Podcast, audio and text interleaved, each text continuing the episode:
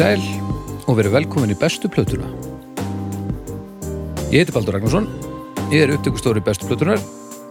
Eh, ég er að taka upp á tölvu, tölvu sem ég kefti mér og eh, á henni er eiginlega af drastli sko, samt ekki allt sem við hefum gert, blæsunulega, af því að ég fór nú, var eitthvað að slá svona uh, nokkuð nákvæmlega á hversu marga þetti við höfum gert hljóðkirkju, hversu marga hláðist þetti síðan við byrjuðum á dómstegi svona og þetta eru um það byl hvað var ég að giska á 650 þettir, eitthvað svo leis sem hafa farið í lottið þannig að það er eins gott að vera með smá pláss á harðardisnum hvernig er harðardiskunum þér, Haugur?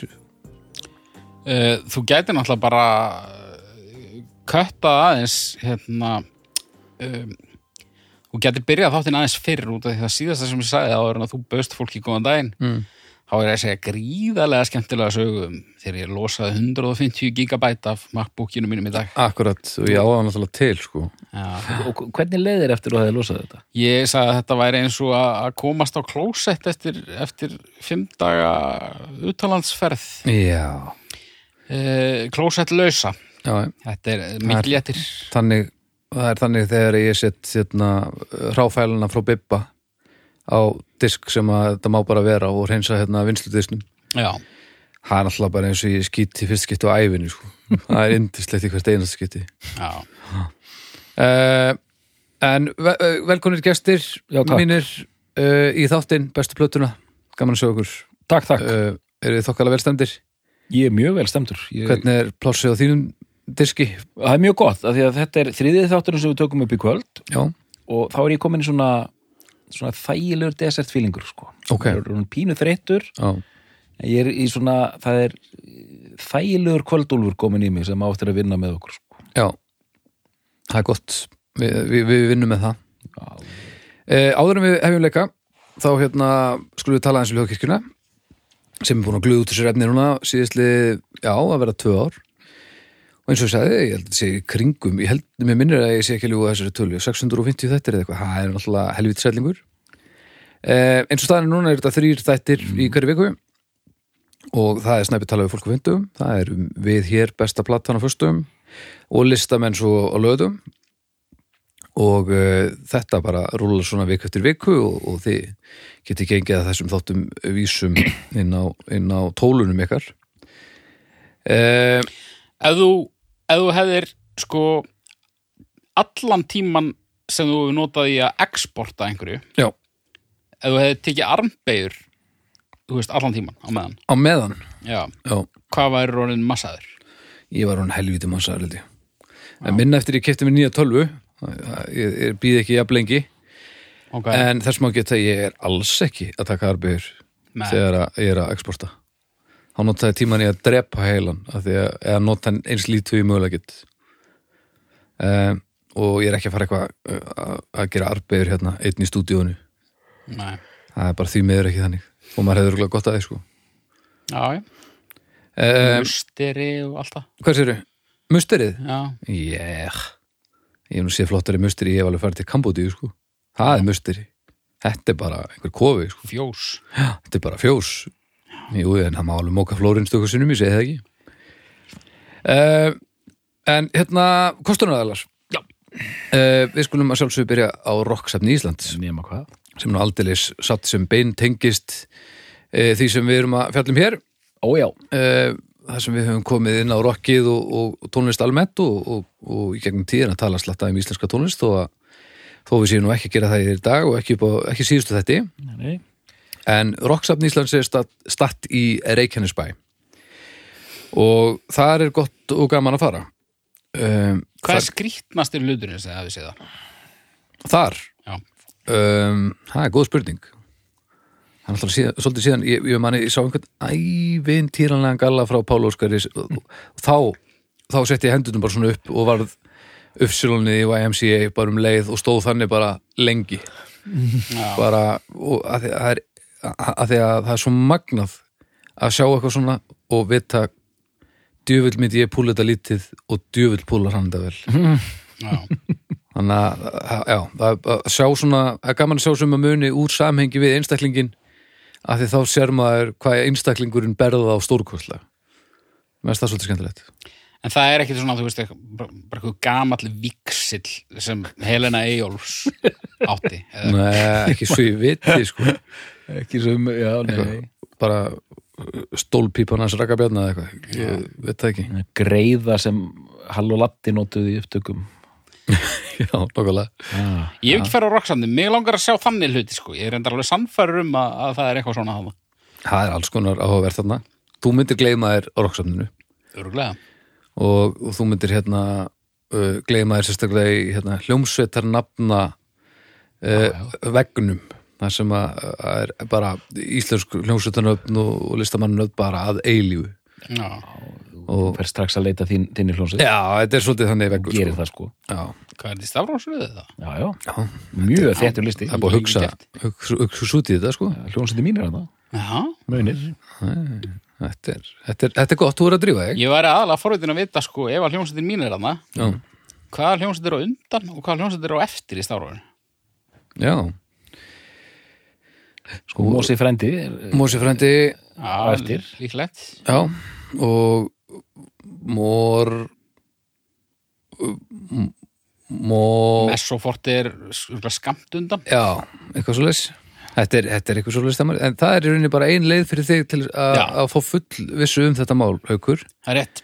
það er að þú hættir að taka allar þessar arbegur og, og keiri nú einu sinni eitthvað Já. uh, hættir þessum, hérna, þessar líka sérst þessum hlaupum og þessum, þessum uh, lífstíl Já.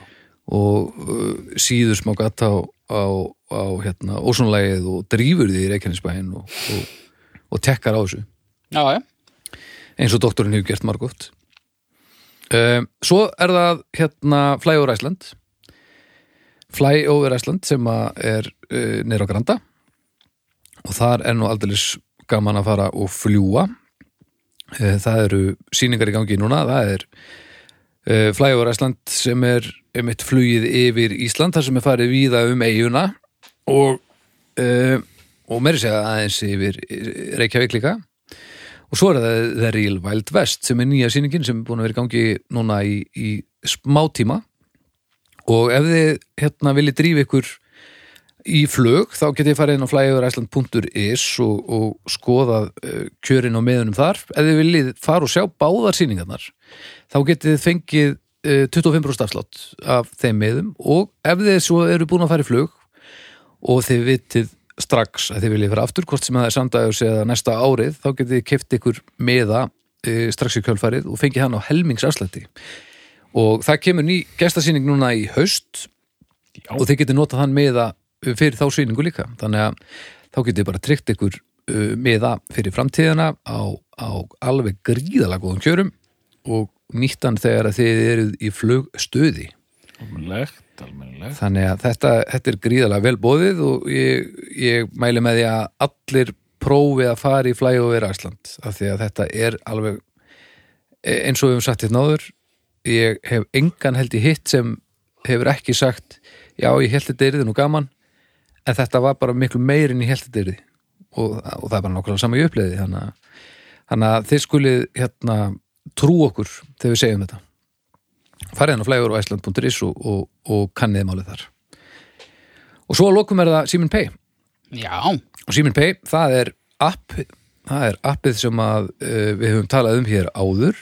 Uh, það er óháð því hvar þið eruð í símaverskiptum þannig að þið þurfu ekki að vera- vera hjá símanum til að geta nýtt ykkur Siman Pay ég nota mikið til þess að leggja bílum uh, ég nota mikið, ég nota alltaf þegar ég legg bílum svo eru alls konar tilbúð þanninni og hérna dæmis hægt að fara inn í mathöllina það er hægt að, skoða tilbúð vikunar og, og núna það er nú sennilega ekki það sama þegar þeir eru að hlusta á hann þátt en uh, The Bagel Bagel Co.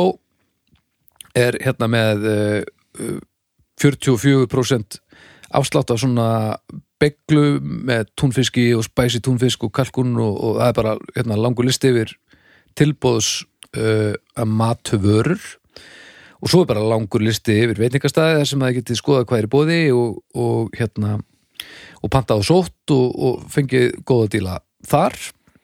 Og svo sömulegðis er a- annars konar sem heitir torg hérna, er hægra megin við miðjupunktin eða þið eru inn í appinu, nú er ég hérna inn í appinu að skoða þetta. Og þar getið flakkað á milli fyrirtækja sem er að bjóða upp á uh, alls konar tilbúð og það, það er bara hitt og þetta, við erum hérna með Dorma og Epal og Verkværasalan og Optical Studio, Húsgagnahöllin og Rím og ég veit ekki hvað og hvað. Og uh, hér efst eru lettkaups tilbúð það, þau eru breytileg eftir, eftir vikum. Og nú er til dæmis í gangi hérna uh, tilbúð á, á iPhone 12 uh, 64 GB, hann er á, á 13% afslætti, svo erum við MacBook Air 13 M1 256 GB Gold útgáfuna, hún er 16% uh, afslætti. Og hér erum við senna sér CX400BT svona Bluetooth uh, svona earbuds þeir eru á 40% afslætti þannig að þeir eru á 19.194 en ekki 31.990 þannig að þetta eru alveg tilbúð sem þið finnið þarna og þið finnið engungu þessi tilbúð engungu inn í appinu. Þannig að þið getið ekki nálgast þessi tilbúð neðst staðar annar staðar. Og svo hér beint fyrir neðan eru uh, tveir fyrir einn tilbúð líka. Þar er, já, bara annar heilangur listi af tveir fyrir einn af alls konar, það er Sky Lagoon og, og emitt Eldhaf og, og Kaffi Loki og, og já, fiskmarkaðurinn. Þið getur bara að skoða þetta allt saman. Það er hellingur af alls konar e, góðum tilbúðum þarna og það einu sem þið þurfum að gera er að ná í appið og, og þetta skiptir engum máli eins og ég sagði þann hvað er þið í símaðurskiptum hann farið nú og ná í Síman Pay og kanniði þetta uh, sjálf hvort að þið finnið ekki eitthvað sem þið eru til í að nýta ykkur þarna er það ekki drengir? Fullkomlega. Jú, Já. Og takk hérlega fyrir öll þessi fyrirtæki fyrir að gera okkur kleift að að halda þessum þætti hér úti. Þetta er óbáslega fallega gert og alls ekki sjálfsagt. En þá erum við konir í, í, í málið. Og nú erum við að fara að taka fyrir mál sem að er áhugavert, mjög áhugavert. Um, þið ætla að tala um bestu plötu uh, Notorious B.I.G. já.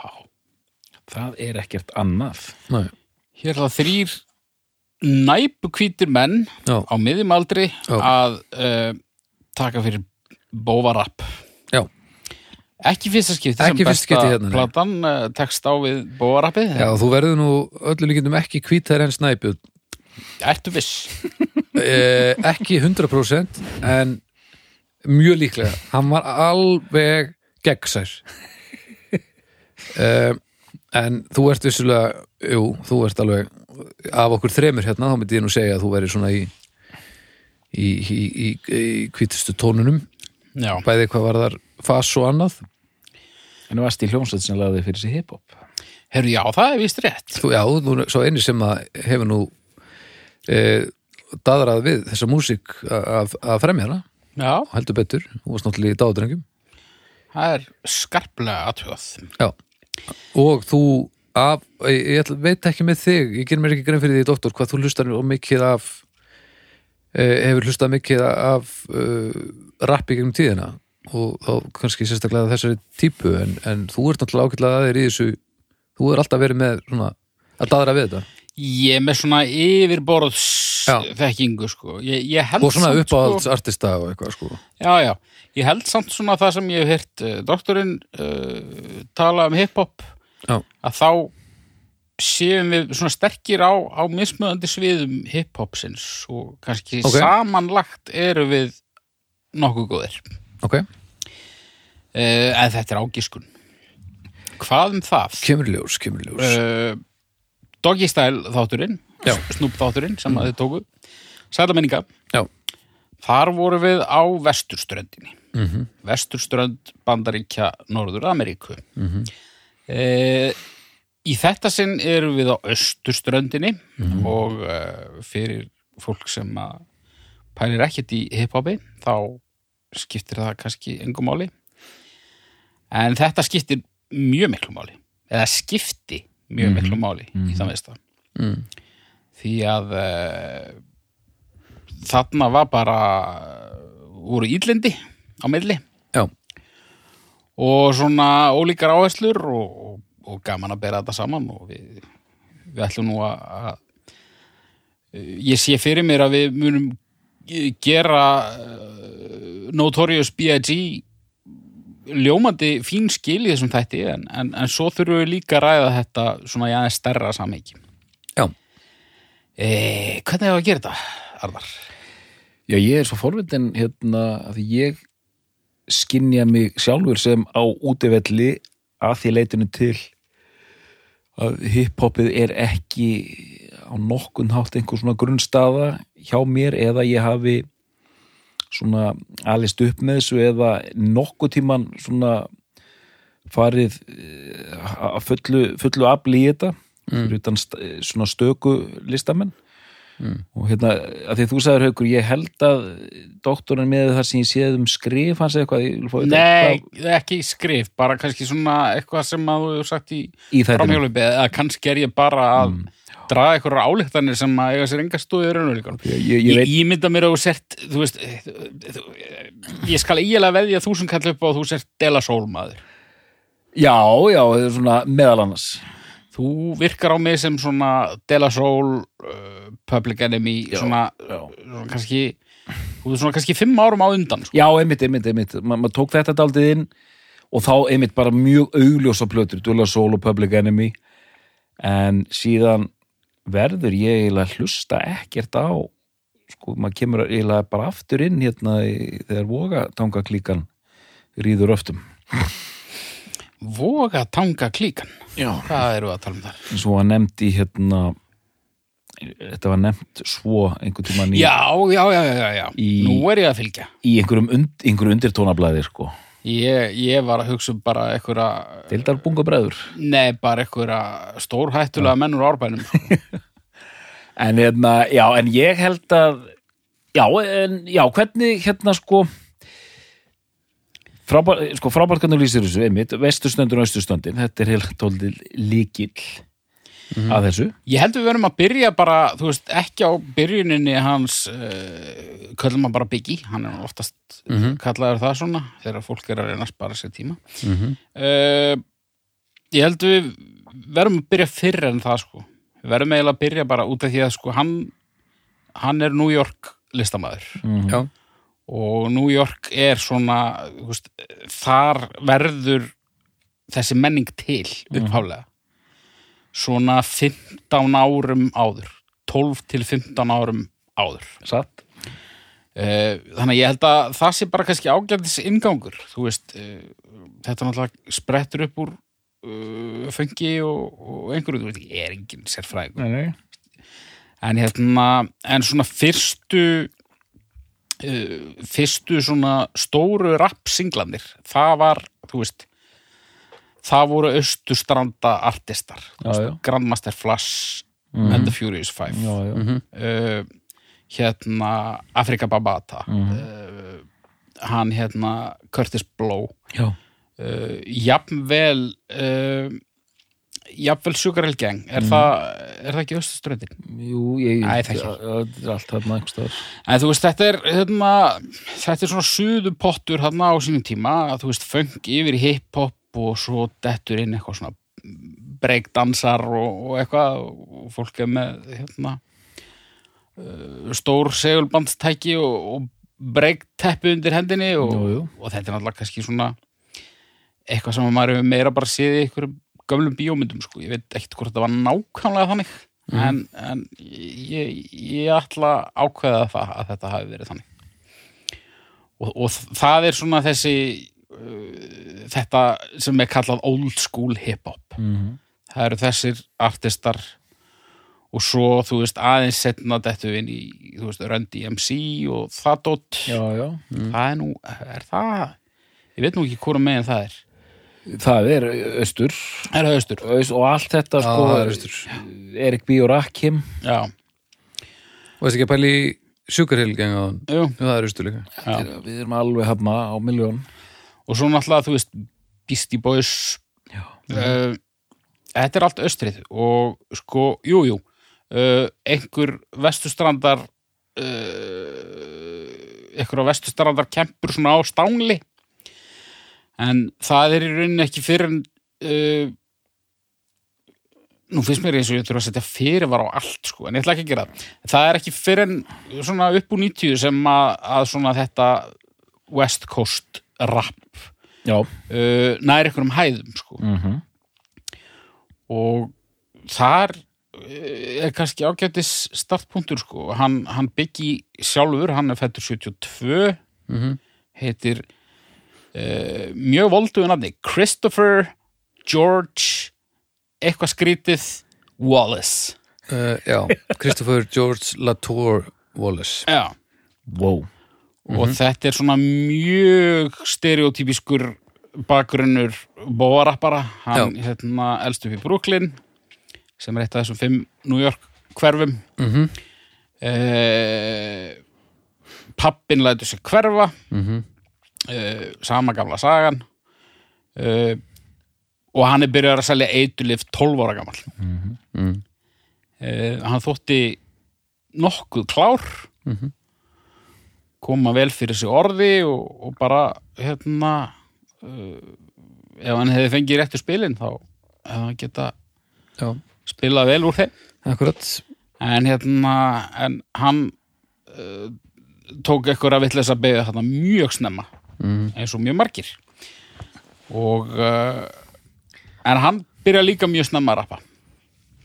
Og er þú veist þetta er svolítið, nú er ég reyndar bara eiginlega að vísa beint í sko mynd, það var gerðið eitthvað mynd sem ég held að við heiti Notorious. Já, sem er svona um æfi hans. Og ég sá hana bara, veist, ég var með hita. Bara í einhverju móki. Þannig að ég man bara svona glefsur úr henni. Manna þarf að sena það sem hann er bara eitthvað með 12-13 ára bara með eitthvað gettoblaster Mm. og er bara, þú veist er bara rapp, batla bara út á götu við Já, einhvern já, gaur, ok. Þú veist, og þetta var bara þannig. Já, held ég. Mm en eða hvað sér, nú er ég að einoka svolítið talið, þannig ég ætla að Já. taka smá hlið Já, já, ég, hérna, ég viðkynni það að mér þótti mjög gaman að hlusta á þig og, og er, er svona var að vonast eftir og er að vonast eftir góðri leiðslu en ég skal að sjálfsög koma hérna inn hérna og Public Enemy til dæmis gott dæmi um, um, um, um svona austurstrandarap sem er þetta samt þeir eru svona geiri sinn eigin geiri einhvern megin sko. Mm. og, uh, og mér finnst svolítið gaman að við séum komin hérna og sem, sem hrætti mig aðeins hérna að við höfum tekið, við tókum Snoop og við tókum hérna hérna, hvað heita þeir, hérna Cypress Hill Mm en besta platan hefur hingað til tekið allt rap sem besta platan hefur tekið hingað til er svona rap samþykkt af rockurum, hefur mér fundist. Já, mér hefur fundist þe- þe- þetta byggi er bara, er fyrsta alveg pjúra hiphopið sem við erum að taka fyrir. Mm og mér leist mjög vel á þetta af því að ég gætt loksins tekið svona dýpdæfi í þessa plötur. En eins og þið heyrist, þetta er alltaf svona ég er, ég, ég, ég ætla bara að segja það mér finnst ég hafa mikla svona yfirborðstekkingu þó að þegar ég var undirbúma fyrir þáttinn þá vissi ég nú aðeins meira en ég kannski gaf mér sko -hmm. en það er mjög gott að fara inn í þetta með þetta austurstranda vesturstrandar element eh, til grundvallar af því að ha, eh, ef, ef, ef við þókum við aðeins nær að það sem byrjar að gerast á vesturströndinni og hérna byrjar auðvitað með hérna, hérna NWA Mm og Dr. Dre og, og það allt sko og, og þetta G-Funk eins og kallaðir Mm. byrjar að vera svona vinsælt Já, og það liggur í músíkinni sem slíkri að þetta er áhlýðilegt þetta er Já hérna, þetta, þetta breykar í mainstream er það ekki fyrstu vestanmegin jú, Já. að, þú veist þar er þessi svona sálaríki funk, uh, svona pop tótt sem bara svona legur í gegn sko Já. þannig að, og þú er að leira þetta með haukur að austurstöndin þarf einhvern veginn að bregðast við að því að austurstöndin er eh, þá ennþá eh, mjög svona underground og svolítið, svolítið harðir sko Já, ég, þú veist, ég held að þetta sé svona í megin atriðum rétt, sko. Það er, það er svona, það var svolítið, það var svolítið svona kannski meiri áhersla, þú veist, þetta er allt saman einhverjir speki, einhverjir setni tíma spekingar, sko. það, það vantar ansvar frá austurstöndinni Já, þú veist, austustrandar dæmið, þú veist, það var meira, þú veist, það var rappið kannski meira aðalatriðið. Og þú veist að koma með sniðu að rýmur og vera flinkur að rappa og vera með alls konar innrým og alls konar þannig skilur Ok, á meðan að, austurströndin kom einhvern veginn með svo húkana Vesturströndin, já vesturströndin, já, en Einmitt. sko ára lengara er haldið ég er ekki að fara að sitja hérna með þér Arnar Ekkert Tórótsen ef að þú ætlar að segja Dr. Dre Nei, ég, er, ég, þá er ég bara farin. Ok Þú eru að leiða þetta mig aðja Eh, Dr. Dre Doktor Dre Dr. Dre Dr. Dre já. nei, þú mátt segja Dr. Dre, það er bara krúllegt Se, se, já, ég veit ekki, ég veit, nú veit ég ekki eins og hvort ég segi venjulega Dr. Dre Þú segir pottet, Doktor Dre Já, eða hvo- hvort ég segi alltaf Dr. Dre eða hvort ég var að setja með einhverja stellingar Nei, nei, nei Þetta, Dr. Dre. þetta, þetta er náttúrulegt alltaf, ég ætla ekki sko En ég meina, þetta er bara fallegt og gott Já, já, já, já. Já, já. ok, já, indislegt en sko já, og þú veist, þú nefnir hérna í mitt uh, NWA sem að er vesturströnd og það er svona mid til late 80s Mhm. sem það er að koma og sko gaman sko, þetta, þetta frum hip-hop þetta old school hip-hop það er allir bara að rappa um að rappa Já, Aha. það er bara, ég er að rappa og, og Við erum hér. gaman að rappa og við erum að rappa og það er stuð og svo þróast það svona yfir í svona, ég er bestur Já. rapp og svo þróast það yfir í sko ég er hættulegur og Mm. ég sel dóp og ég lem konur mm. og þar eru komin í þetta bóvarapp sko. Já, og hérna bóvarapp, jú, NWA er svona kannski hvað var þetta? ég veit ekki, Nú erum við á nálum hérna stríðistímum eins og sprenging hérna uh, Nei, ég ætla ekki að hafa þetta í flimtingum en, en sko bóarappið það er NWA en, en það þeir eru ekki fyrstir sko. Mhm. það byrjar í rauninni ég held að það byrja með þú veist, bara Ice-T og já, já, já og það eru, eru bara menn sem voru bara glæpamenn. Já, já, og vild svo til að þeir eru líka rapparar og þeir rappuðu bara um að vera glæpamenn. Einmitt, og við erum með sko listin og lífið eru þarna í einni flækju já en uh, já uh, vesturströndin segirðu mm Mhm. uh, Dr. Dre og félagar já, sko, sko ég, þetta sló mig alveg út af læginu þetta, Sko, já, við vorum, Þetta- sko, þetta- þú, þú, þú, þú varst að fara í gegnum sem sagt, þetta byrjar að rappa og rappa, segðan bara ég er bestur og sen eru komin í, ég er, ég er glæpamaður og Já. ég á í útistöðum við lögregluna já, Mhm. nákvæmlega og, og, og, og bara svona verið að, verið að hérna Þetta er orðið mjög raunverulegt. Það er verið að svona, hérna, channela það sem þú ert að gera, þú ert að selja dóp og svona. Já, og, þetta það er er svo hörð rýma. Og- ég er glæpamaður og ég á í útistöðum við lögur en, en svo þetta er engin lígi sko. Veist, þetta, þarna var bara að vera að segja frá því sem var í gangi. Þannig að þetta er ekki þetta sem að síðar meir er orðin óbúslega mikil síndarmennska hjá mm. miljónamæringum er þarna fólk sem er að segja frá því sem það er að lenda í allan dag Já, ég held reyndar að það byrji ansi snemma að menn fara að færa svolítið í stílinn sko. þess að larpa. En, en, en, en þetta er ekki sko úr lauslofti gripi nei. við segja. Já, en, og ánáttúrulega misvel við eftir artistum augljóslega. Já, já, já. Og, og, og, En, en, sko ef þetta var ekki eitthvað sem að þeir höfðu upplifað þá var þetta í það minnsta eitthvað sem að þeir höfðu séð eða heyrt í sínu nærum hverfi vegna þess að þannig var þetta bara þá. Já. um, já, og, og einmitt ég ætla bara að- bæta við hjá þér einmitt, sko, við erum með hérna uh, þú veist, á þessum tíma byrja til dæmis fyrstu soloplötur Ice Cube að koma út sem eru alveg sko grjótharðar sko. Já, grjótharðar, svona beinútsending frá þessu. Á meðan mér svo fyndi þegar að hugsa um hérna Public Enemy sem er svona og að kalla svona svarta CNN hérna að vera að segja frá hérna hérna kúun svartra á það allt sko. Já. en það voru allt svona miðstjættarstrákar þetta voru hérna voru úr, úr hérna millistjætt og höfðu það bara gott. Voru bara hérna Long Island hérna og pappar þeir einhverju prófessorar og eitthvað svona sko. Já, já, hérna, þannig að þetta er allt annað dæmi sko. Mhm. allan að við erum á vestustöndinni og, og það er alltaf vera villust, bóarappið já, já. Og þá kannski bara fær ég, ég er í svona vandræðum eiginlega hvernig ég á að tengja þetta aftur við Biggie sko, en, en, en Nei, þú ert bara að leggja grunninn. Þú ert að leggja grunna því að Biggie er í nákvæmlega sömu málum og hérna Ice Cube og félagar með sama bakgrunn og er í sama hérna með, með sama, sama svona bakvið sig. Hann er að selja dópa og svona og er að fara að rappa um það.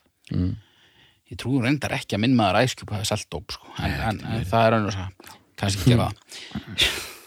Altjant en hérna, já uh, Biggie, hann uh, eins og ég sagði á hann var bara svona göturappari. Mm og uh, svo er hann bara orðin komin svona á, á efri unglingsár þegar hann fer að gera demo og svona. Og, og hérna einhver demo rata þarna til uh, til eh, starfsmanns Uptown plötu útgáfu fyrirtækisins sem að ég kann nú ekki frekar að deili á því útgáfu fyrirtæki. En þessi starfsmæður sá eitthvað í þessum unga dreng. Og uh, unga og vörpulega dreng. Já, mm. þessum uh, já, þessu stykki af manni sem hann var. Já, uh, og það er, það er bara að fara með hann í stúdíu bara hendi í plötu. Já, og hérna hann hljóður þetta eitthvað þrjú fjögur lög. Og síðan er þessi, þessi starfsmæður uh, rekin frá leifilinu en uh, hann dó ekki ráðalaus sá því að hann stopnaði sitt eigið Bad Boy Recordings. Og þetta er uh, maður að nafni Sean Diddy Combs. Mm. púffarinn. Púffari Já. Já, uh, sem hefur gengið undir já, fleiri nöfnum en, en, en uh, Við kærum okkur um að muna. Ég ætla að segja fleiri nöfnum en, en Meta World Peace sko. uh, en uh, Þannig komið risi inn á sviðið til okkar. Já, hann er risi í fæðingu.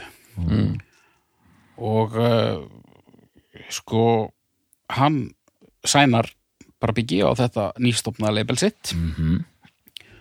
og það er farið í hljóðver að halda áfram með þessa plötu en, en það líður svolítið tímið þannig á milli. Mhm.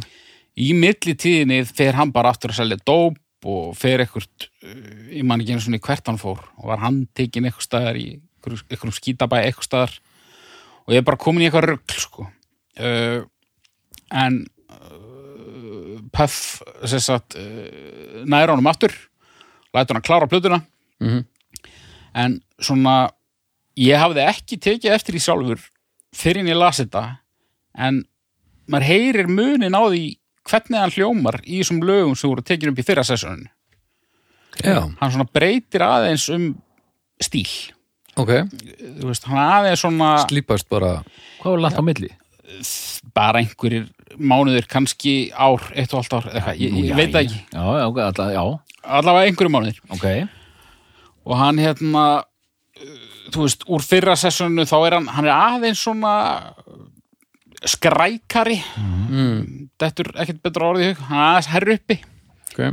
og hann er bara svona aðeins svona einhvern veginn kannski ekki óörgari bara, þú veist, já, slípast til það er bara mjög uh, fínt. Hann slípaðist til. Og uh, í setna sessunni mætti hann blaðlaus. Já, það var, hérna, las það líka.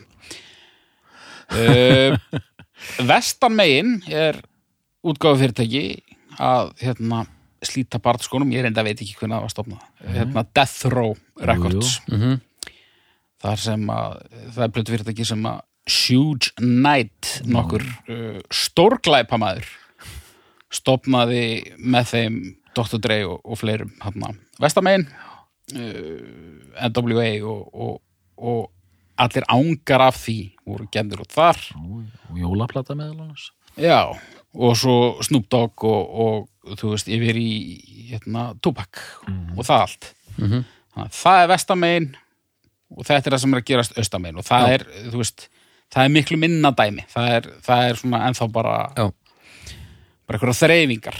Mhm.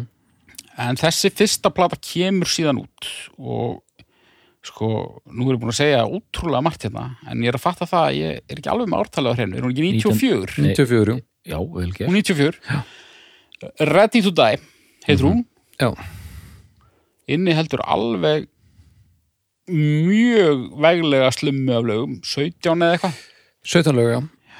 Og hérna og svo er að þetta sko, því ég var ekki að hlusta á þetta á þessum tíma. Nei, uh, ok. Ég var ekki að hlusta á þetta á þessum tíma sko. Uh, ég hlusta á eitthvað rapp á þessum tíma en það var ekki mikið. Nei. Uh, þetta kom aðeins hérna uh, þannig ég veit ekki alveg þú veist, ég er, að, ég er búin að liggja svolítið yfir þessari plötu nokkrum sinnum í gegnum tíðina Mm. og það er einhver sömpl sem að var skipt út út af einhverjum Já, já, lagalegum ástæðum já, og þetta er allt eitthvað svona svolítið flæðandi þannig að Mhm. þú veist, platan sem að mér finnst vera þessi plata Mhm. hún hljómar aðeins öðruvísi heldur en hún gerði í daginn sem hún kom út já, já, ok en ég verð bara með það við hvernig hún hljómar í dag Mhm. uh, og þetta er besta plata Notorious B.I.G. Ok, Ready to Die. Og þetta er plata, nú ætla ég að brúa þetta aðeins að þetta er plata sem kemur út 1994 og austurströndinni vantaði ansvar við þessum húkum uh, vesturstrandarinnar. Og þarna er bara svarið komið. Já, já ha, ég, veit ekki mikið um þetta en hann er almennt talin bara sá sem að hann var bara ansvarið já, já. hann var bara lausnin. Og byggir undir feril Já. til dæmis uh, Jay-Z. Og Nas hún kom reyndar út sama ár Ilmatic já, en þarna fer bara við getum sagt það, austurströndin fær þarna vítamínsbraut. Nákvæmlega. Og platan er haugur margt og mikið? Já, akkur, er... er- akkur er hún svona góð? Sko hún er köplótt ekki í merkingunni sem að þú leggur Mhm. alltaf í hana heldur, hún er bara, hún er alveg út um allt. Já. en það er, myndi ég segja hérna, í þessu tilfelli styrkur sko. Já. hann sýnir fjölskrúðug. Hún er fjölsgrúðug hún er sko stundum er hún listræn og einlæg og harmþrungin Mhm.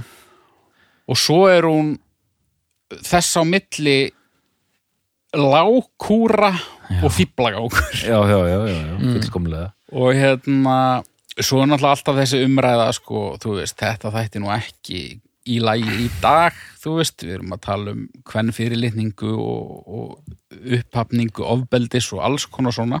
Sem er alveg horfin úr bæði rappi og, rocki og öllu. Alls ekki en, en þú veist það er einhvern veginn þannig að þrátt fyrir að maður eldist og maður komist að því að það er ekki í lagi að segja suma hluti og það er ekki í lagi að gera suma hluti þá er samt eitt og annað sem fær svona pínu frítt spil sko. þetta. Mm. Doggy Style. Cannibal Corpse. Maður er tilbúin að lefa þess að slæta. Og ég veit ekki alveg af hverju það er. Kannski bara út af því að þetta er svo vel gert og þetta er svo skemmtilegt. Og bara hvernig var þetta gert og já, Já, Og- meina en það verður að, það verður að minnast á þetta já, já, en, en ásetningur það skiptir máli líka ég meina bara eins og einmitt doggy style sem er svona gullmóli en þú veist, þegar maður hlustar maður svona, já, einmitt en þú veist ég veit ekki, maður, já en þú, þú, þú, þú, þú, þú hlustar á hana hversu mikið setna hlustar á þessu plötu Ready to Die?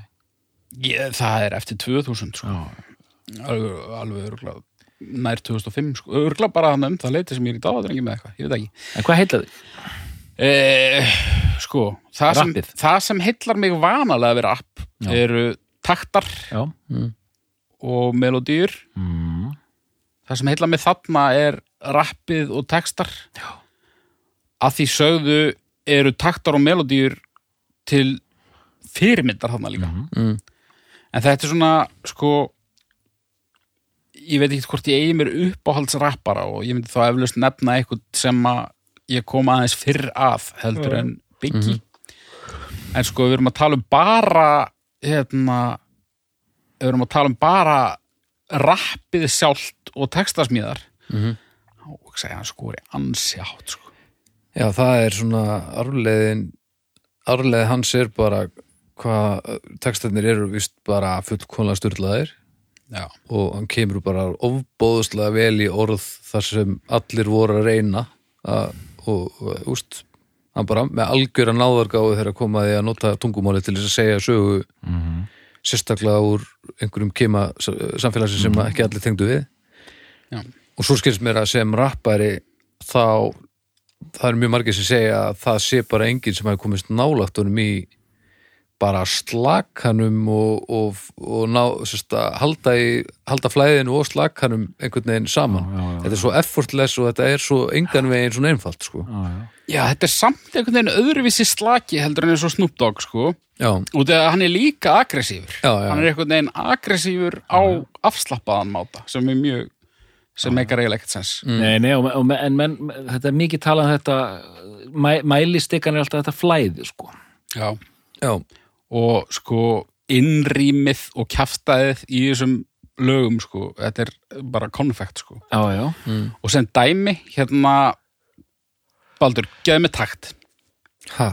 Nei, ég er að djóki þér. Jésús, mér held að ég, það er bara að tók hvort þú færir að beatboxa. Bara, e, bara, hvað, bara til að skrifa undir uh, hvítæsti maður alheims uh, já, ég sk- eh, kvitta einn undir bara nei, ég ætla ekki að koma með hérna, sínu dæmi hér. Ég, hérna, þú hefur gert það margsinnis í galanda nei, nei, ég heyrði bara einn miðaldra kallt gera það hérna í þessu stúdíói fyrir nokkrum þáttum síðan og gera það, Snæbjörn, já, já, ég manna ekki. Í minningunni í gera það. minningunni gera það. Já. já, ég sennilega gera það ekki sko. En Já, þá er ég hérna, alltaf búin að blokka það. ég ætla nú ekki að vera vondu við Snæbjörn sko. mér fannst Ah, Doggistel alveg- þátturinn hans og Cyber Sale þátturinn hans mér fannst það mjög skemmtilega þettir já, þetta bæði böndin skiptan mjög miklu máli og plötunar mjög miklu máli. Já. En hérna hann verður algjör þumall samt þegar hann er að tala um þetta. Já, já. en sko lágkúran uh, fyrir nefnda hún er sko það er þetta er svo Já, þetta er svo yfirgengilegt sko. já, já, já. þú veist hérna, þú ert nýbúin að hlusta eitthvað svona textaði um hvað er erfitt að vera sælið dóp og allt ömulegt Mm. og svo bara detturinn í eitthvað þryggja mínuna langan skets það sem að þú veist, eitthvað pía er að tóttan og það eru bara mest e, tóttan eða eitthvað verra sko Mm. og þú heyrir bara, þú veist smjattið og slefið og Ríkalegt, sko. og hérna, en samt einhvern veginn bara, þú veist svona dót ætti að taka mann úr stemmaranum sko, en það ekki sko. Svo bara í næsta lagi fyrir hann að rappa um bara hvað hann er með stóran titling. Og svo bara eftir það fyrir hann að rappa um hvað, þú veist hérna um, hann rýður einhverjum gælum og ringir ekki þér aftur. Og svo fyrir hann að rappa um þegar mammans fekk brjóstakrabba minn Og, og þetta er í 1994, öld geisladisksins. Já. Þetta er, er þetta ekki klukkutíma löng blata, hvað, 17 lög? já, uh, hvað sá ég hérna ekki segjum hún sér 69 þá getur ekki verið óvilandi veitu uh, tjöfullir það var svo margir skoðanir á honum það er svo erfitt að, að finna hérna Eða, ef það er 69 þá er það sannlega óviljandi hann tekur það fram á þessar plötu hann fer ekki niður á konur sko. Svalur 6905 ég man ekki alveg ástæðina en hún var hún var suppuleg suppuleg En platan slæri gegn.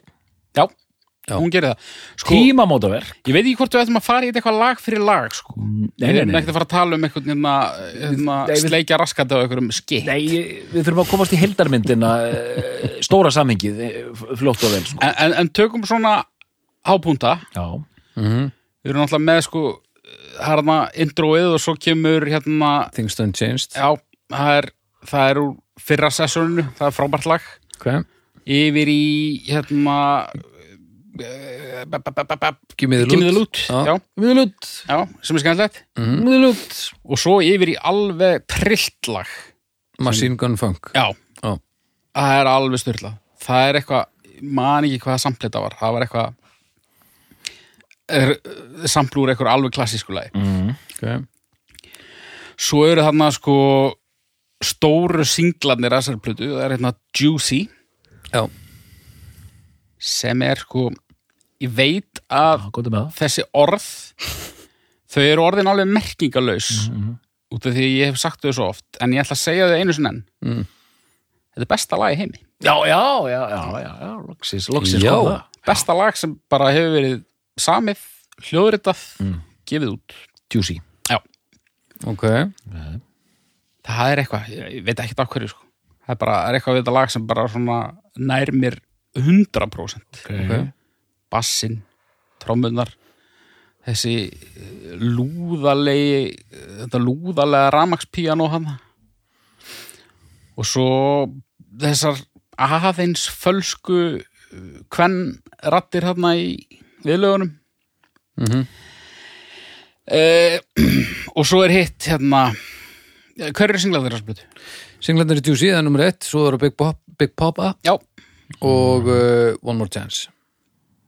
Já var það singull? Já, það er síðast singull uh, alveg halvu ári eftir Big Papa Já. Býtu, er ekki eitt lag viðbót á þessari plötu sem er alveg classic svona, uh, sem ég held að það hefur verið singull Unbelievable Já.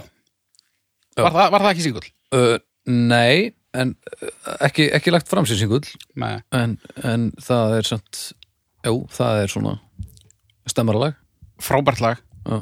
og hérna, fellur í skrítin flokk fyrir mig allavega sem hérna uh, rock megin rock og melodíu megin í lífinu. Og þetta það er, það er svona einstaka hip-hop lag sem er svona það sem að einhvern veginn að kemur eitthvað söngur sem er bara eitthvað allt annari tóntegund við lagið. Mm. en það samt einhvern veginn virkar. Já, Eh, ég veit ekki hvort ég skilur hvað ég er að rausa. Nei, ég var bara, þarf bara að hlusta á þetta til þess að vita. Þú veist, ekki falskt, heldur bara bara ekki, þetta er bara það sem Hill gera hvað best. Já, bara gengur ekki upp sko. Nei, þe- þeir eru samt bara svona viljandi falskir oft. Já, stundum. Já.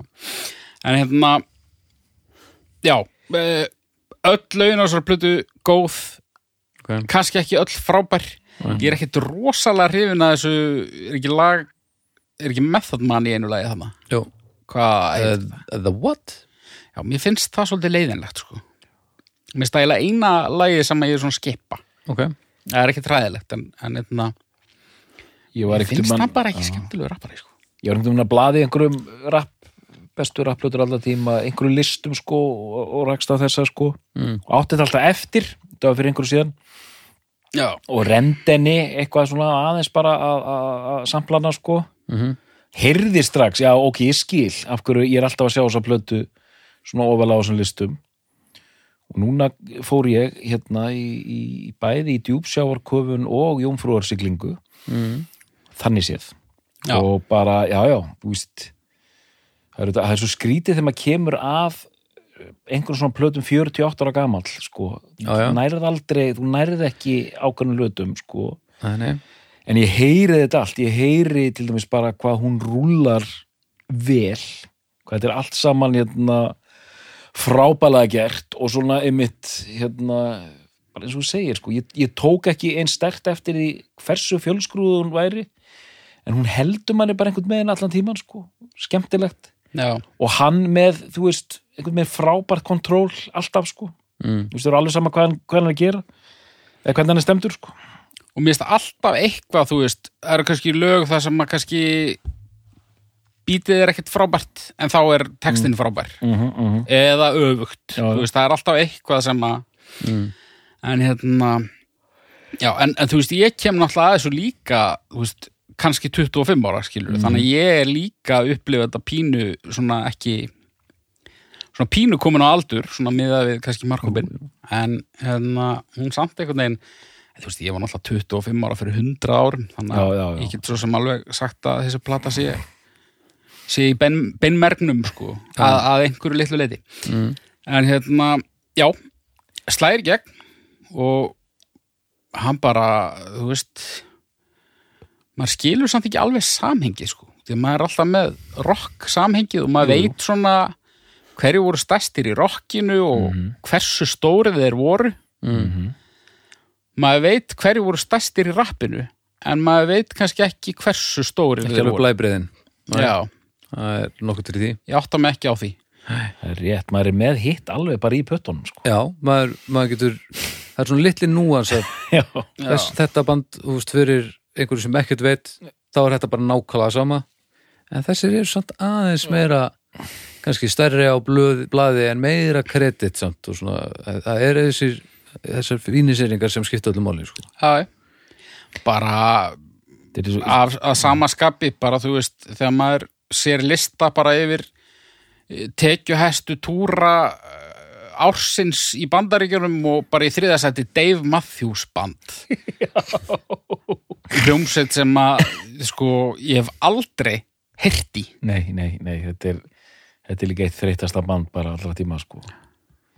þeir líta allir út eins og húsverðir sko, hérna, þeir sturtuðu líka sörnum sínum yfir eitthvað skemmtifæraskip nei, eitthvað svona, Wow, eitthvað svona, svona útsýnisbát eða eitthvað ok, auðvöldra. vini mínu voru að spyrja mig um daginn vorum að velta fyrir okkur einmitt, hver, hverja voru stærstu grönnslónsettinnar í, í 90-sinu og maður gætt þuliða allt upp Mm.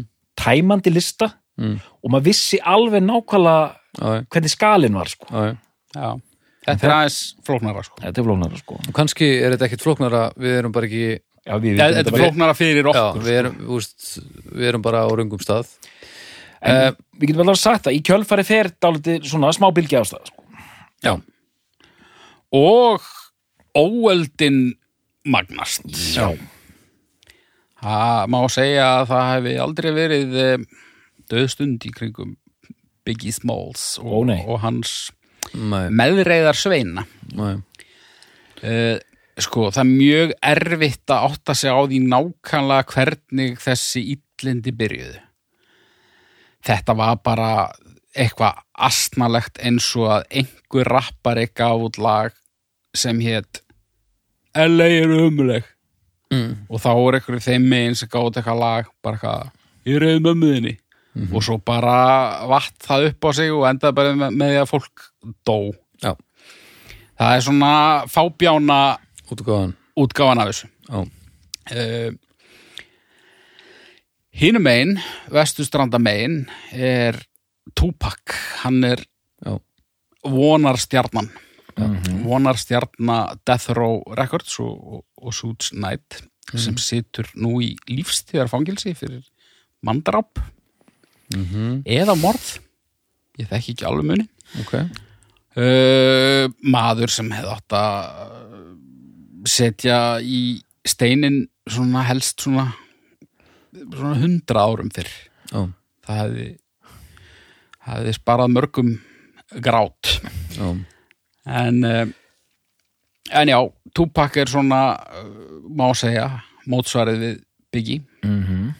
uh, nú fyrir tímalínan aðeins að uh, gruggast. Mm, sko uh, hvað gerist þarna sko? Það er einhver skotin. Jú, jú. Sko við munum aldrei ná sko Tupac fyrir að fljúa ansi hátt sko 93, 94, 95 það er eitthvað, þetta er eitthvað tímabilið sko. Mhm, já, í, sko, við erum að tala um þetta 90 að því að næsta plata hérna Biggie kemur út 97 já, og Já. það er hérna þrjú ár þar sem gengur á ymsu, við getum ekki rakið okkur nákvæmlega í gegnum það sko. Það var eitthvað sko Tupac uh, hann er sko kemur inn í eitthvað stúdíó í New York og, og hérna uh, þar fyrir utan er Biggie og einhverjir menn sem svona gól eitthvað á og svo kemur hann inn í húsið og þá koma tveir byssu brjálaðingar og, og hefja bara skothrýð og plaffa einhverjum fimm skotum í hann eða eitthvað Mm.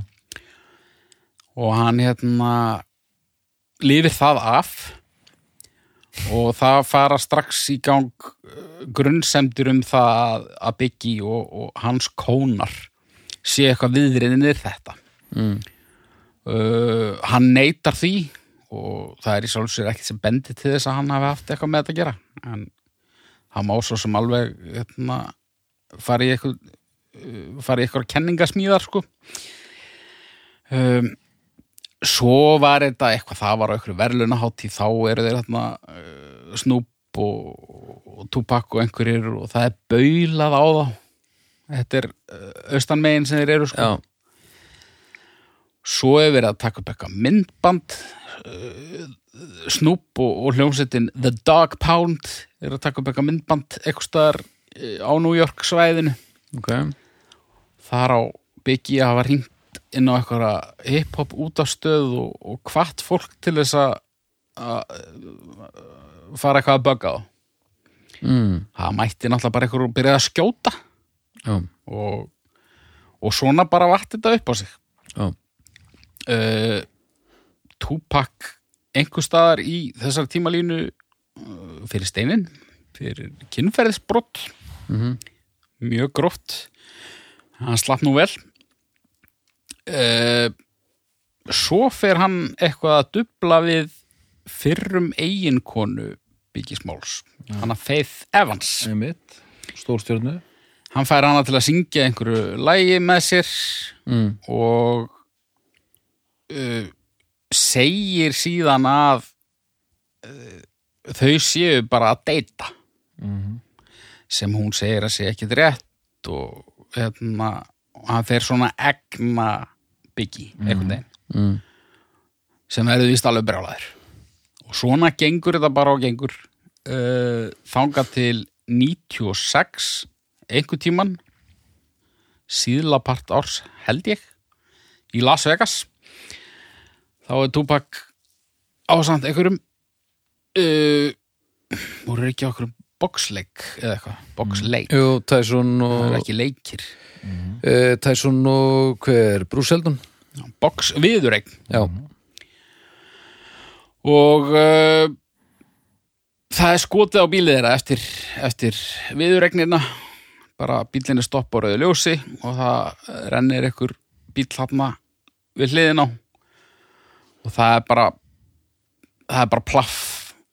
Endalaust og, og hérna e, var það ekki þannig? Eða var það er ég, að- er, er, ég að slá saman? Uh, Nei, ég bara nokkuð nokkuð nálægt. Já, og sem sagt hann fær mörg skot í sig Tupac. Og e, Fjögur skot. Banaskotið var það síðasta sem hann fekk eitthvað í gegnum livrina. Nei, þetta voru fjögur skot uh, sem hann fekk í sig eitt í handlegg, eitt í læri og tvö í, í bringuna. Og hann að þeim fór í gegnum hægara lungað. Mm. og uh, já, og hann liggur örendur. Hann gerir það. Og bara eins og áður þá bara auðvitað eru austanmennendir standa þeirra á baku þetta en þú veist þessi glæpur hefur náttúrulega aldrei verið upplýstur þannig að það veit í rauninni engin neitt. Mm.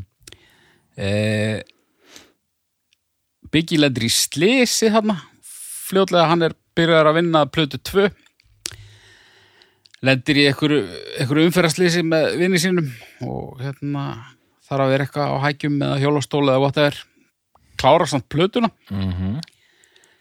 og þarna einhverja hálfa ári setna þú veist, ekkert tíma fyrir part 97 þá er Biggie myrtur. Já. Mm.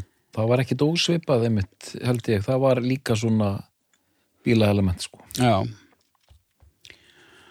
Uh, Kenningin þar er svo að sko og það er í rauninni miklu svona sterkari kenning með það dráp heldur en Tupac dæmið.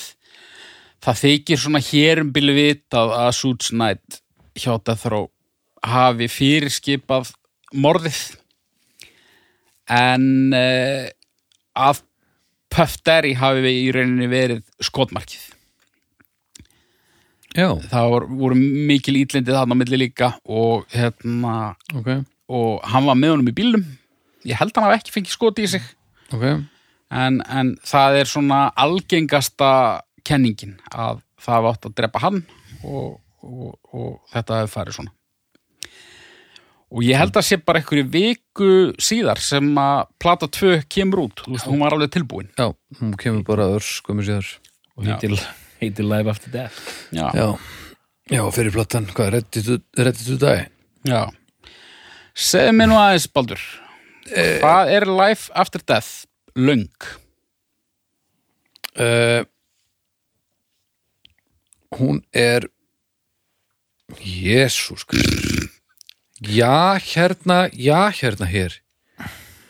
Uh, Hún er 120 mínútur og 39 sekundur Já. Það er passlegt bara. Nei, það er úr langt. Það er ólant Já. En svo er 24 til single disc version sem er 59 mínútur 42 sekundur já, sem uh, ég veit ekki alveg hvort að það sé þá bara já, hvernig ég leysa það sko? En þetta eru 24 lög. Uh, segjum það bara ég, ekki 13 og veitum við disk 1 er 13 og diskur 2 er 12 Já. 25 já, og þarna var komið í tísku eða ekki tísku, hérna Tupac hafði gefið út þarna All Eyes on Me já, sem var líka svona tvöfaldur mm. monolithic dæmi góð plata. Mm og síðan kemur þessi mitt, hérna Live After Death sem ég hérna skoðaði krók og kima en ég ætla nú að hleypa þér að fyrst hugur ég ætlaði nú bara að segja um að þessa túbakplötu ég er með dattinn í hana þegar við byggum saman Baldur, já, 2012 eða eitthvað. Þá er ég bara að tekka á túbak í fyrsta sinn, eitthvað almennilega. Já. Það er svona, þetta er eitthvað skrítin grárfyðringur sko. já, snem, snem fyrringur já, full ungur í gráamann en þú ert enn þetta í gömul sál þegar kemur að kvíða gagvart döðunum jú, jú jú, jú. Sko, mér finnst þessi plata síðri en mér finnst hún ekkert slæm sko. og það vantar nú svo sem ekkert hérna, hittar hana á hana Nei. Þarna er nú sennilega hans þekktasta lag uh, hérna stólur um eitthvað það heitir Hypnotize Hypnotize, já. Já. Er það ekki, er það ekki er það ekki fallbissan hans? Það var svona emitt og hérna uh, hún er slípaðri Mm. svona sándlega séð. Já, poppaðri. Poppaðri og hérna meiri gestagangur. Já, það er náttúrulega það hefur aldrei verið lokað út syns mér, Nei, með að við listan sko. Það hefur verið dragsúur alveg í gegnum allt sessunni kóttu með, kóttu með eitthvað? Með listan Já, kannski ekki allan en uh, býta þess, personal ok, það eru meira en 20 nöfn slepptu því þá. Meir en 20 nöfn? Þetta er, uh, já, aðeins meira. Notorious B.I.G. Uh, Sean Puffy Combs, Lil Kim, Jay-Z Too Short, Mace, Busy Bone, Crazy Bone Lazy Bone, wow. Jetta Kiss, Styles P, Seek Loud uh, hvað hvernig er þetta? 112, já er ekki sett hannig, ég held það. Lil Kim, já. Uh, 112, R. Kelly, DMC Angela Winbush, Kelly Price Pamela Long, Carl Thomas Faith Evans. Og svo bara heldur þetta, já já, þú veist. Og, og ammaðin Það er einmitt Lil Kim sem er með honum í skitnum hann á, á uh, Ready to Die hann já, rýðingasenan hann það sem Já, hún er að kalla hann hérna hassreikjandi Oreo smjattandi helvítir sturludela meðan hún stynur og hann stynur og svo heyrir svona brak og brestir svona, já, já, já, í, í gömlu, gömlu, gömlu rúmi sko. Já, og þetta var gert þannig að, að þau voru bara í stúdíónu Mm. og það var einhver flýill hann Mm. og hann var náttúrulega sko uh, hann var náttúrulega hann var, hann var ekkit fis. Nei. Hann var mjög stór Já. á alla kanta. Já, og uh, sko mjög stór. Mm. og þetta var þannig að hann settist bara á píanóstólinn. Og bara að brakaði bara í honum út af því að hann var mjög þungur. Mm. og hann svona, þú veist, prófaði þess að skaka sér á hann ok. Og þá kom þetta hljóð. Og hann segir henni bara að koma og hún sest bara klofið á hana þú veist, þau voru í fötum Mm.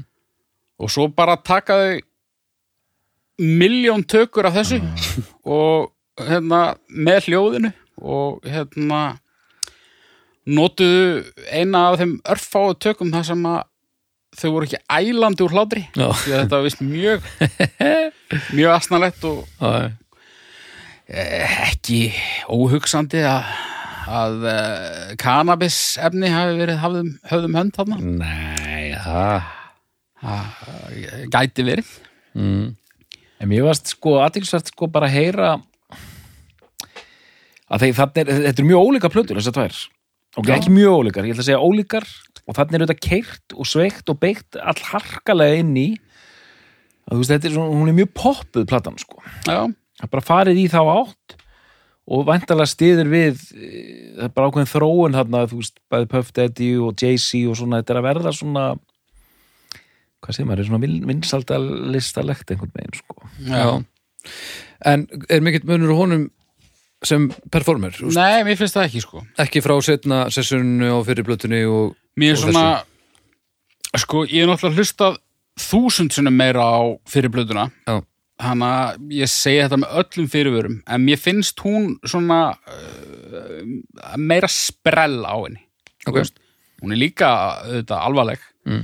En svona, þú veist, mér finnst hún á köplum svo hryllilega fyndin Já, já, mér er svona aðeins minna um það á Já, já. senni já, Þetta er svona, já, hún er alvarlegri innan gæsala. en ég bara, ég þarf einfallega bara að kynnast henni aðeins betur uh, hvað segiru hérna Nú þurfum við bara að fara í sko stóra samingið. Ég slefti öllum þessum hérna eftir, eftir dauðan hérna plötum sko. Sko, það sem ég er komið að- tværa að þrjár sko.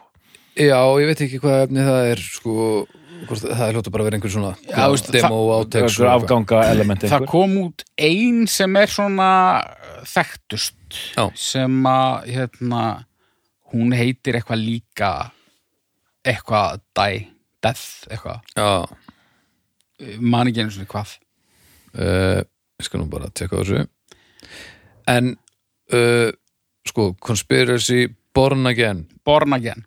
Já, og það er svona, þú veist hún er, ekki, 99 já, hún er ekki alveg svona þetta er ekki alveg botnskafsplata. Nei, ok. En, hérna, en náttúrulega alls ekki Já, já, já, einlega þetta er bara hljóðversplata Þetta er smíða hún er aðalega sagt af gömlum rýmum með nýjum bítum og gestaröfurum já. Þannig að þetta er þetta er í rauninni nýtt efni en og sumir rapparandir á henni skilst mér að hafi bara aldrei einu svona hitt hann sko þegar hann lifði. Er þetta á þá Puff Daddy að, já, ég bara eitthvað að mixa. Að, en sko eftir að hann er dreppin uh, hvernig leggst það veist, á einhverju tímpúti þá kom pínu svona bara ei, hvað er á að gera Mhm. moment, er það upp úr þessu eða eða er bara ímyndur í mér að þetta hafi, hafi komið pínu svona hei, wow, Já, jú, jú. og það kom smá sátt á milli eftir þetta bara, já, já, ok, Sko- sko verðum við aðeins að til að hérna sko Puff og Biggie þeir sko, ég veit ekki hvort það var bara eitthvað síndarmennska en þeir allavega reyndu eitthvað að læja þessar öldur sko uh, og, og, ein, og Snoop og einhverju vestan já, snúb líka, já, einhverju vestan menn líka sko, bara, þú veist þetta, sko, talandum sko, talandum list og líf flækt saman og, og dauði, þetta er eins og hérna, svartmálmurinn sem vorum að tala um. Já, þar sem sko allt í einu er, er líf og list fara að flækjast óþægilega mikið saman sem endar með einhverjum hörmungum sko og eftir það er svolítið bakkað út úr þessu sko. Já, já en þó að þú veist ég ætla ekki að líkja einu sinni saman hérna einhverju sældarlíf í Bergen við hérna Nei, nei. stræti og tork hérna Nei, nei, í Los. Angeles sko. Það sér svolítið gróft. En svo líka bara breytist aðeins sjálft rappið, þú veist, bófa rappið, það bara víkur svolítið, þú veist. já, bara fyrir sjá hvað ég á uh, mikið pening. Já, já, og bara rapp verður meira mainstream. Já, algjörlega og það verður meira bara svona, uh, þú veist, ef að var mikið kollab fyrir, þá náttúrulega, hérna, fór það alveg úr böndunum. Já, og hérna, jú, jú það hafa eflaust fleiri en einn og fleiri en tveir rapparar verið skotnir til bana eftir þetta. Já, já, já, maður, það, það poppa reglur upp í fréttum en maður hefur pínu tilfinningunni að það sé samt bara gamla vandamáli, það sé ekki beint sko, rappið sé svona hliðar afurð af því einhvern veginn að þetta sé ekki sami rígur en ég hef náttúrulega hef enga beina einsinn inn í það en þú veist, eins og núna með Super Bowl dæmið, þú veist, nú er náttúrulega þetta, er- þetta fólk er orðið ykkur superstjörnur 50 cent er hann austanbegin uh, Já, vá, hann var meira sér með Já, er það ekki? og Ég held það að því að við, við vorum hérna með Dre og Snoop og Mhm. Eminem og 50 Cent og svo var líka hver, mm, töðubót einhver. Kendrick sem Já, er náttúrulega önnur er, já, annars, kynslóð. já og svo gömul uh, R&B uh, kempa sem manni hvað heitir. Já. Eitthvað, legend í, í þeim geranum. En ég meina Mick Hucknall. Ha, Ekkert. Allavega, þarna erum við með þá veist, vissulega sittkvort kynnslóðin af, af austur og vestur. Við erum með gamla vesturliðið og svo e- eitt sem er svona aðeins ferskari en vissulega búið að, hérna gata þokkalega gegnum tíðina líka. Og þau koma fram þarna vissulega eitthvað undir, ég hugsaði að fengi borgað fyrir þetta. Já, en uh, e- eru þau kannski bara svo löngu búin að missa allt strítkrætt þetta skiptir engum máli og þannig eru bara peningar eða er það ekki issue lengur? Veist, er, er bara búið að leggja, leggja þessu öllu saman? Ég bara þekki það ekki sko. en þú veist ef að það er ekki búið að leggja þessu öllu saman þá er í það minnsta þú veist, þetta gamla fólk. Já. það er það er hætt sko í þessum pakka. Er M&M uh, vestanmegin þá líka? Jú, það er dreig sem er M&M ekki bara úr einhverju er drulluborg en Já. það er dreig sem dröslar honum á, á, á kortið eða ekki? Jú. Jú, og síðan fyrir þetta að flæða, ég man eins og 50 Cent, hérna, og hann fyrir að vinna með hérna, The Game, munið til því? Já. Hann var vestur. Síðan Mm. er þetta, nú er og, og eins og vorum að tala um á hann þetta með gröndstæmið var ágættið stæmi ég er ekki með sama, ég er ekki með þetta í puttunum. En Nei, í kringum 2000 til dæmis fyrir suður í gerðarpi líka að hérna vaksa, mm, Outcast já, og með Goody Mob og, og það allt. Og það var allt öðruvísi. Það var þessi, bara Suðuríkja New Orleans hérna bara meira svona Southern hérna, Já. sem var ótrúlega átkast, þeir voru frábær hljómsveit sko, var allt bara stórkostlega plötu sem þeir, þeir gáðu út sko. Mm, en ætlaður sé nú, það er nú alltaf kallað að rappa þessum gömlu hundum? Nei, sérstaklega hvernig, hvernig átkast þróaðist, Já, já. sko, sérstaklega þetta þekki síðasta platan. Já, ég þekki ekki þetta fyrsta Nei, já, Þetta þeir urðu, efni, sko. urðu mjög og, og síðan er svo erfitt sko þegar rappið kannski upp á 2000 að svona, þetta er orðið svo mikið mainstream að hérna, Já, að því sko mér finnst mannlegi parturinn af þessu og samfélagslegi parturinn af því hvernig átökinu verða til og hvernig þetta róast að einhverju leiti já, já, já. ég var alveg til að dífa mér þetta. Af því að úst, ég, ég þarf mikla þjálfun til að skilja músíkina almennilega og mun alltaf aldrei skilja hana eins og hún var ætluð af því að ég bara, grunnurinn minn býður ekki upp á það. Mm -hmm. en að, ná að tilenga mér þessa tónlist til að vekja hjá mér ánægu, það er eitthvað sem ég þyrst að vinna í Já.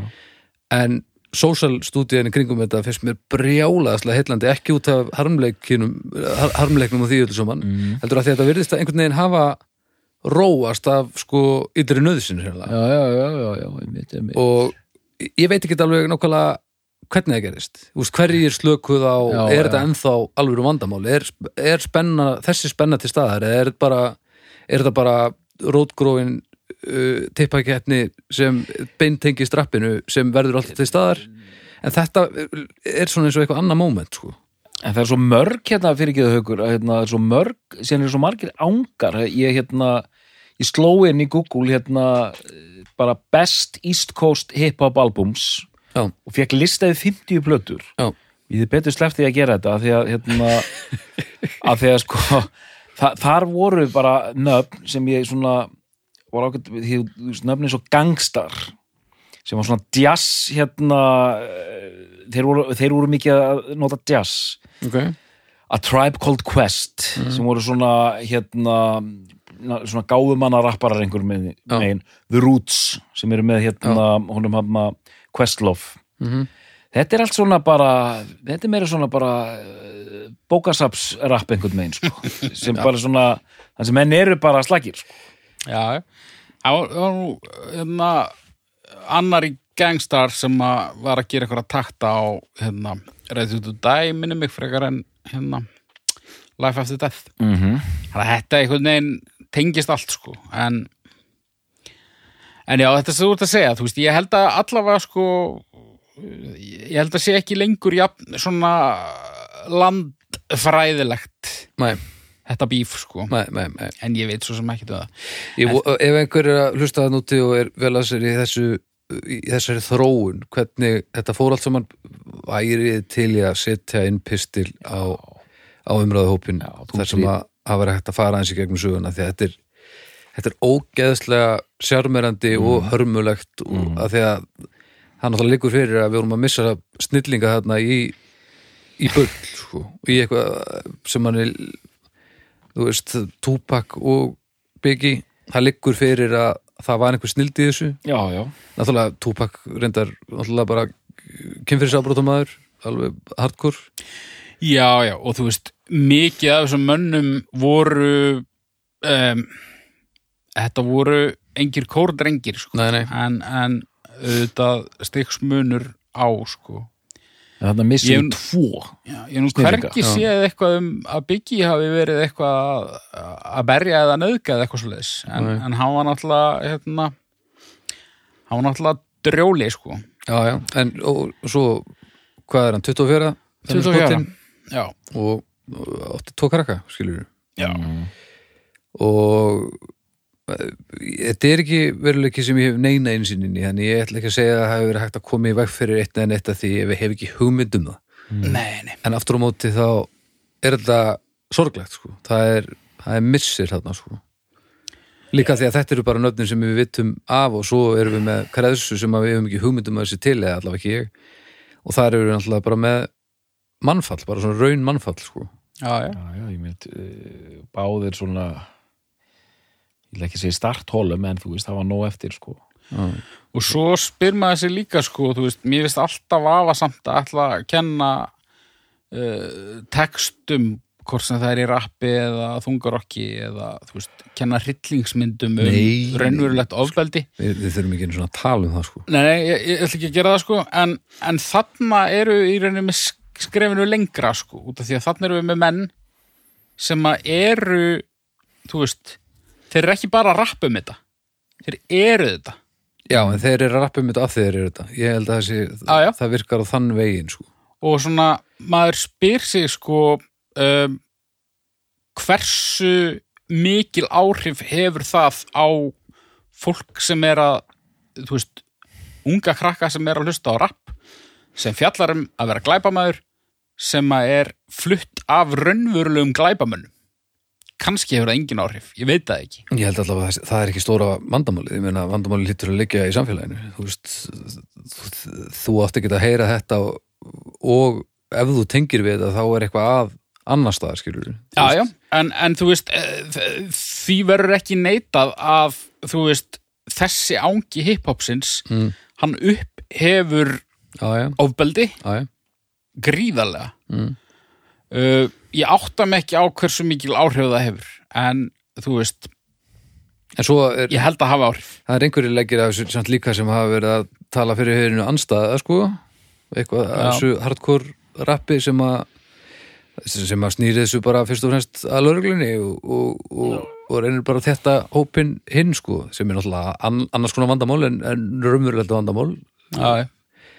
um, þannig að já, þetta er bara þetta er bara þetta er eitthvað sem maður hefur svo litla einu sinni inni sko. Já. og, og ég meina þó að einhver hætti að rappa um þetta það þýr ekki að hætti að gerast sko. Nei, nei, og svo eru bara einhverju látúnsparkar eins og R. Kelly sem að reynast vera mestu já, drjólandir sko.